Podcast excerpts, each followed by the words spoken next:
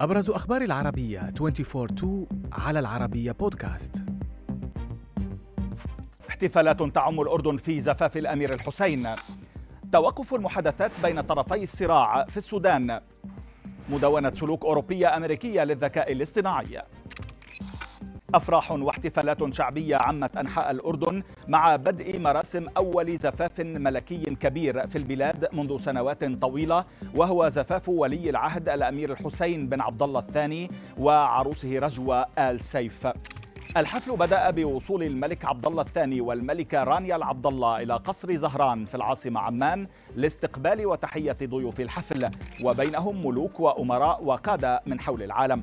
وبعد عقد القران خرج العروسان في الموكب باتجاه قصر الحسينية حيث الاحتفال الرسمي. وتضمن طريق الموكب عددا من المحطات التي تواجد فيها الأردنيون للمشاركة في مراسم الزفاف.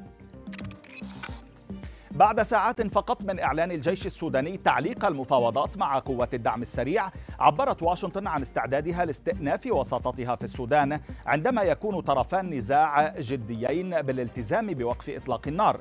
مصادر سودانية قالت إن الجيش اتخذ قراره ذاك بسبب عدم تنفيذ الدعم السريع البند الخاص بالانسحاب من المستشفيات ومنازل المواطنين إضافة إلى خرق الدعم المستمر للهدنة.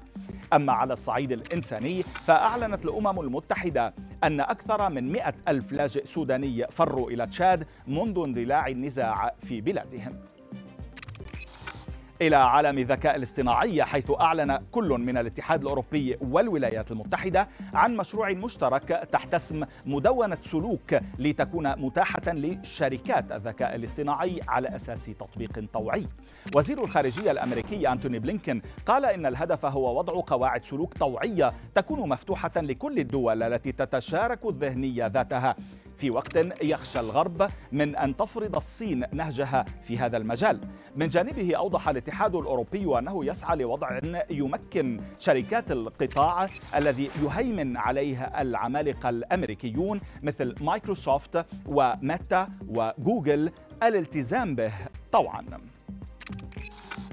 في أخبار عالم الثروة والأثرياء استعاد الرئيس التنفيذي لشركة تسلا إيلون ماسك لقب الأكثر ثراء في العالم وفقا لمؤشر بلومبرج للمليارديرات. متجاوزا الفرنسي برنار أرنو المدير التنفيذي لشركة السلع الفخمة LVMH وصعد ماسك سلم الثروة سريعا خلال الأسبوع الماضي حيث بلغت ثروته 192 مليار دولار بعد صعود سهم شركته للسيارات الكهربائية بحوالي 65.6% خلال العام الجاري.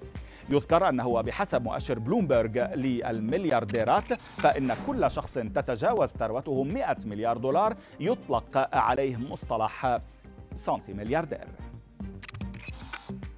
خطوة فريدة من نوعها أعلنت الحكومة الكندية آه، تتمثل أو خطوة تتمثل بفرض طباعة تحذيرات صحية من مدار التبغ مباشرة على كل سيجارة في سابقة عالمية لمكافحة التدخين.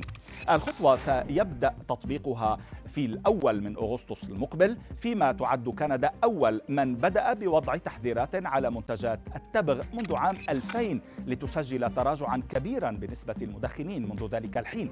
أما الخطوة الجديدة فلاقت ترحيبا كبيرا من جمعيات مكافحة التدخين.